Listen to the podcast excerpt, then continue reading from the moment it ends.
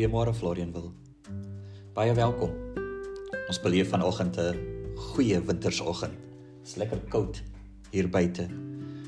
En so het ons die geleentheid da uh, wanneer u ook al die kans het om om na die woord van die Here te luister. Maar op hierdie Sondagoggend die 30ste Julie is dit die boodskap wat verkondig sal word in die in die erediens. Ons raak vir 'n wyle net stil en, en ek vra soos altyd dat die Here saam met ons sal wees.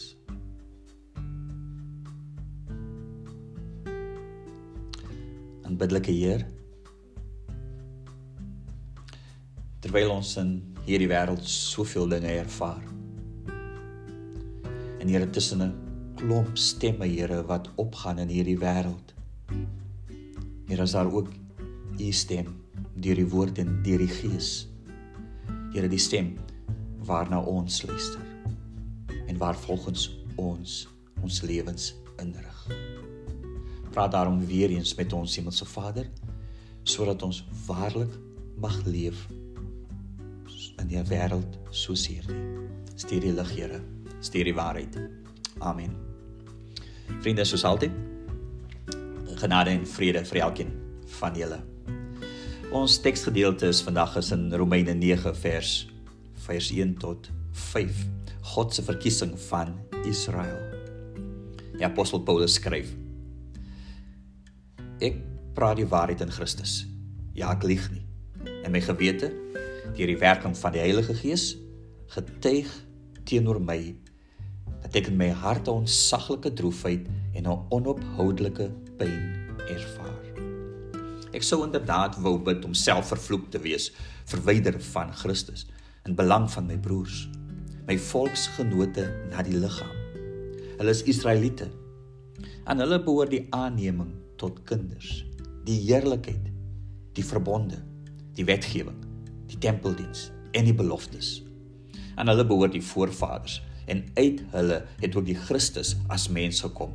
Hy wat God bo alles is, lofwaardig vir ewig. Amen. As ons teksgedeelte vanoggend die paar verse in die boek van Romeine hoofstuk 9.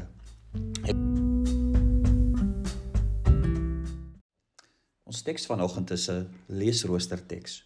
Met ander woorde dit wat voorgeskryf word vir gemeentes gedurende gedurende die jaar. Dit het natuurlik sy voordele. En ek dink die grootste voordeel vir my daarin is dat ek by tekste uitkom wat ek dalk normaalweg nie sou by uitgekom het nie. Maar eintlik is hierdie teks voorgeskryf vir volgende week, maar nou, maar nou ja. Ons doen dit vandag. As ek dink aan die boek Romeine, wat 'n besonderse boek is dit net nie. Daarvan hoofstuk 1 af. Die mooi woorde van Paulus wat sê dat hy hom nie skaam vir die evangelie van God nie, die evangelie van genade nie. Um hoofstuk 1 vers 17 waar Paulus pertinent sê die regverdige sal uit die geloof lewe. En dan verduidelik hy hy die evangelie soos wat hy soos wat dit ons dit moet verstaan. In hoofstuk is daar die mooi vers hoofstuk 1. Daar's geen veroordeling vir die wat in Christus Jesus is nie. En in die res van hoofstuk 1, jammer van hoofstuk 8, is vertel hy van God se genade. Dit word sommer genoem die triomf van God se genade, want niks kan ons skei van die liefde van Christus nie. Dis is gedeelte, dis die gedeelte vanaf Romeine 1 tot 8. En hierin sal Paulus het voorig sy standpunt oor die evangelie verduidelik. Die regverdiging deur die geloof alleen. Alles in en deur God se onuitspreeklike genade. Maar nou is ons teks hierdie paar verse in hoofstuk 9. En dis eintlik die inleiding van hoofstuk 9 tot 11. En sommige voel jy kan eintlik maar hierdie hoofstuk 9 tot 11 kan jy eintlik maar oorslaan. En dan kan jy maar weer by hoofstuk 12 begin waar Paulus dan begin praat oor die praktiese uitlewing van die geloof. Want hoofstuk 9 tot 11 handel oor God se verhouding met Israel, in besonder Israel se weiering om in God te glo. Maar die boodskap bly relevant vir ons vandag. As ons dink wat tans in die wêreld gebeur, dat soveel mense die evangelie prys gee, opgee. Daar is selfs 'n woord daarvoor. Ontkering. Dis die teenoorgestelde van bekering. en waarin bekering jouself sal oorgee aan aan jou Here Jesus Christus is ontkering dat jy jou losmaak van Jesus Christus, dat jy Christus verwerp. En ons sien dit tog in hierdie wêreld. Dit gebeur subtiel. Mense sal stadig maar seker net verdooi. Maar dit kan ook intens publiek wees waar mense hulle geloof afsweer, vir almal sê dis nie meer waarin hulle glo nie. En die invloed hiervan van mense wat lank geglo het maar nie meer glo nie. Die invloed hiervan op ons godsdiens. En ek dink dis hier waar ons by die apostel Paulus wil aansluit. Paulus ervaar ons saglike droefheid en 'n onophoudelike pyn. En die rede hiervoor is die feit dat sy mede-volksgenote nie in Christus Jesus glo nie. As Israel volk van God as volk van God was hulle in 'n besonderse bevoordeelde posisie. Israel het 'n sentrale plek gehad in God se plan vir die wêreld. In verse in die verse 4 tot 5 van ons teksgedeelte lys Paulus hulle voordele as volk van God, dit wat hulle geniet het, dit wat hulle bevoordeel gemaak het. En na die lys lees ons dat hulle Israeliete is. Onthou jy dis die naam wat God aan Jakob gegee het in sy worsteling met die Here? Dis wie hulle is. Hulle is verbind aan die Here. Hulle is aangeneem as kinders. God is hulle Vader. God was sigbaar en tasbaar teenwoordig in hulle lewens gewees. Dink aan die tabernakel en die tempel in die lewe van Israel en die lewe van die Jode in die Ou Testament.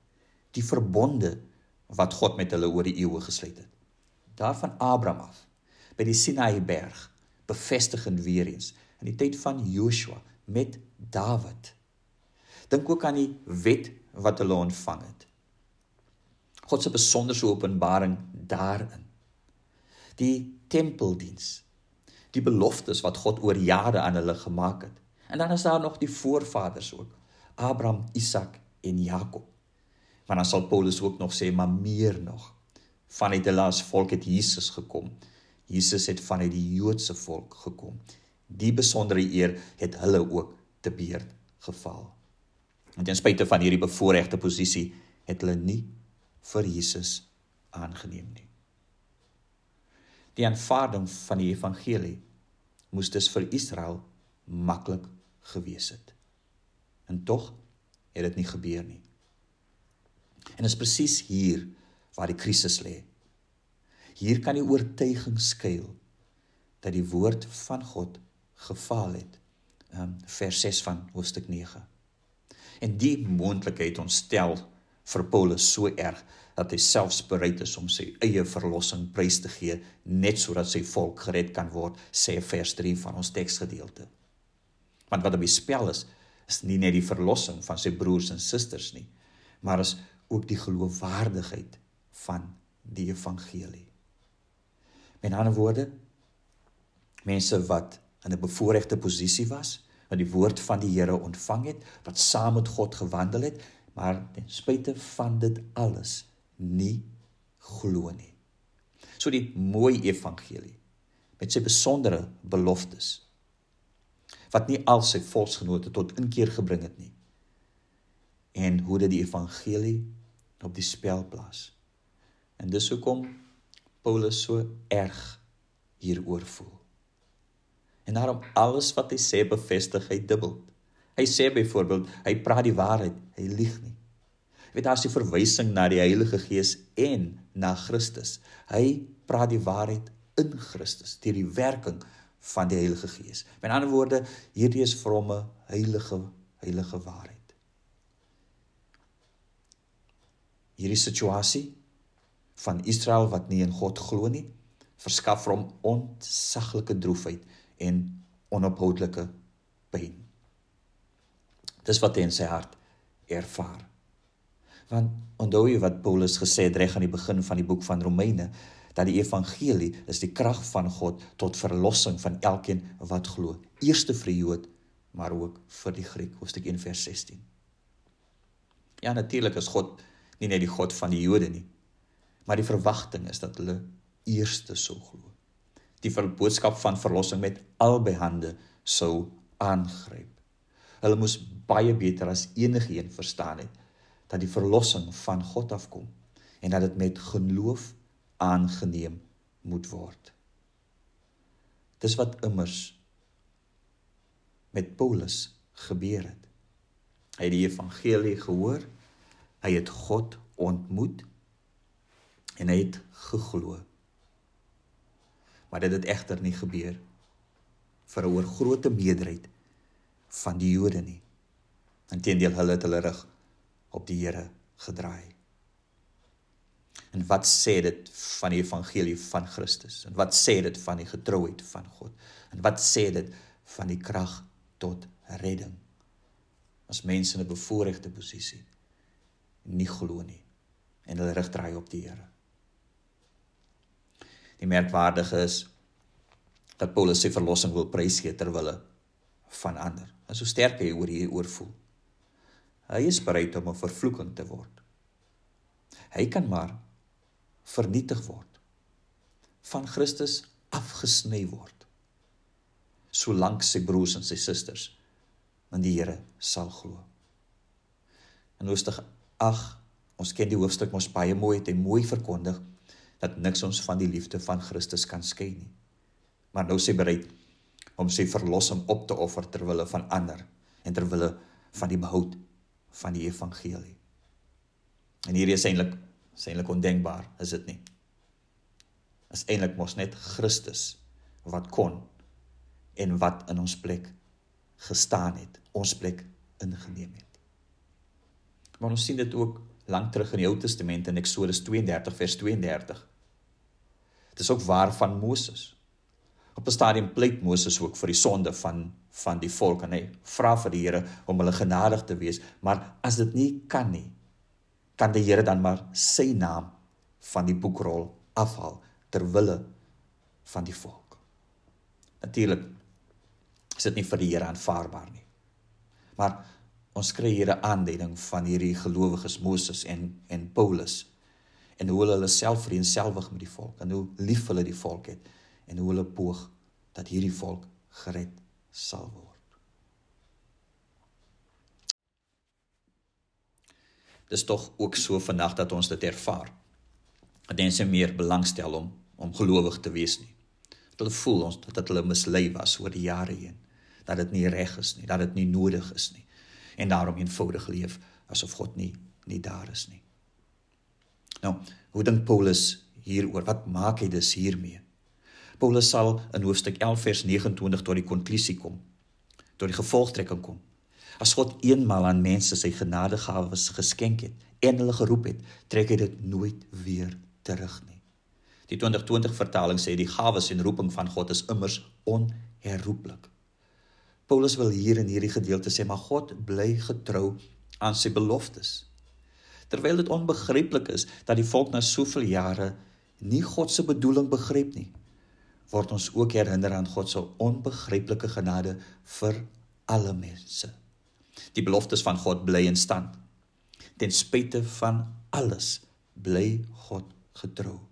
Sy gawes en roepings en roeping is immers onherroepelik. God sal dit nie terugtrek nie. Dit sal bly staan. En dis wat Paulus verkondig. En ons sien hoe hy God se passie deel vir mense.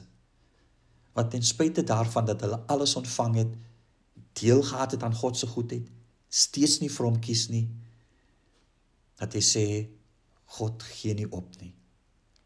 En daarom sal Paulus en ons as medewerkers ook dieselfde ingesteldheid moet hê ons gee ook nie op nie. Ons gee nie op in ons geloof nie. Maar ons gee ook nie op in ons in ons ywer om ander te vertel van die woord van die Here nie. Ons enigste troos en hoop is is tog die getrouheid. Is tog die getrouheid van van God. En vandag in hierdie wêreld, broers en susters, die wêreld waarin ons leef, dis Paulus se ervaring en dis ons ervaring ook. Maar laat ons laat ons vashou aan ons geloof wat ons bely. En laat ons op grond daarvan die liefde van God uitleef. en op hierdie manier vashou daaraan. Dat al sou ander wegstap, nie meer belangstel nie. Dat ons verseker kan wees dat God se beloftes in stand gehou word vir almal. En dit vra vir ons wat is die belangrikheid van, jy weet van godsdiens vir ons, jy weet, waar staan ons? En die belangrikheid van die kerk waarin ons behoort en die belangrikheid van die roeping, die roeping om disippels van mense te maak om vissers van mense te wees. As ons glo en ons glo. Ons glo van harte in die Here. Dat ons daarom ook so leef dat die evangelie nooit in gedrang kom nie maar dat ander altyd die Here sal sien in en deur ons. En dat ons altyd die woord van die Here sal verkondig deur lewe, deur dade. Dit is waar sodat ander kan sien dat die Here werklik leef. Mag die Here ons help met ons met ons getuie wat ons wat ons het en laat ons moeite doen om daaraan vas te hou. Amen.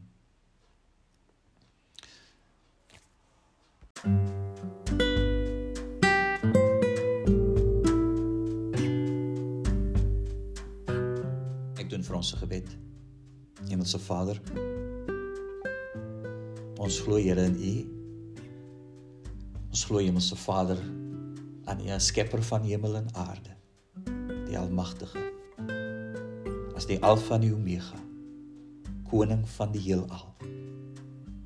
Ons glo Here in die betrokkenheid in ons lewens. In die liefde vir almal van ons. Ons glo in die Seun Jesus Christus en sy sterwe aan die kruis waardeur daar vir ons almal verlossing gekom het en waar die wêreld onherroepelik verander is en waar die bose oorwin is. Ons glo in die Heilige Gees, Here, wie U in ons harte en ons lewens is, wie ons trooster is, wat U krag is in 'n wêreld so seer die. En waar dit al moontlik is, Here, dat alles nuut kan word. En Here, ons het die getuienis ook Here van die goedheid in ons lewens. Help ons Here om vas te hou aan dit waar ons glo. En ook Here om dit uit te leef in die wêreld vandag. Want Vader, waar sal ons wees as ons nie aan U vashou nie? Kom seën ons Here dag vir dag met U teenwoordigheid. En kom help ons Here om so te leef dat ons altyd by ander Here u woord sal inskerp. Maar ook Vader dat ons 'n lewende getuie wees sal wees van u en u goedheid in hierdie wêreld. Spit vir ander Here wat nie meer kan sien om te glo nie. En dankie Here dat ons kan weet dat u beloftes stand hou vir almal. U gaan dit nie terugtrek nie. Maar dit is onmoontlik. Help ons as kerk, Here Help ons met die uitlewing van ons boodskap. Gee krag aan ons getuienis. Help ons om met oorgawe te dien. Amen. Die genade van ons Here Jesus Christus, die liefde van God ons Vader, troos en bemoediging van die Heilige Gees is met elkeen van u. Want aan u behoort die koninkryk en die krag en die heerlikheid tot in ewigheid. Amen.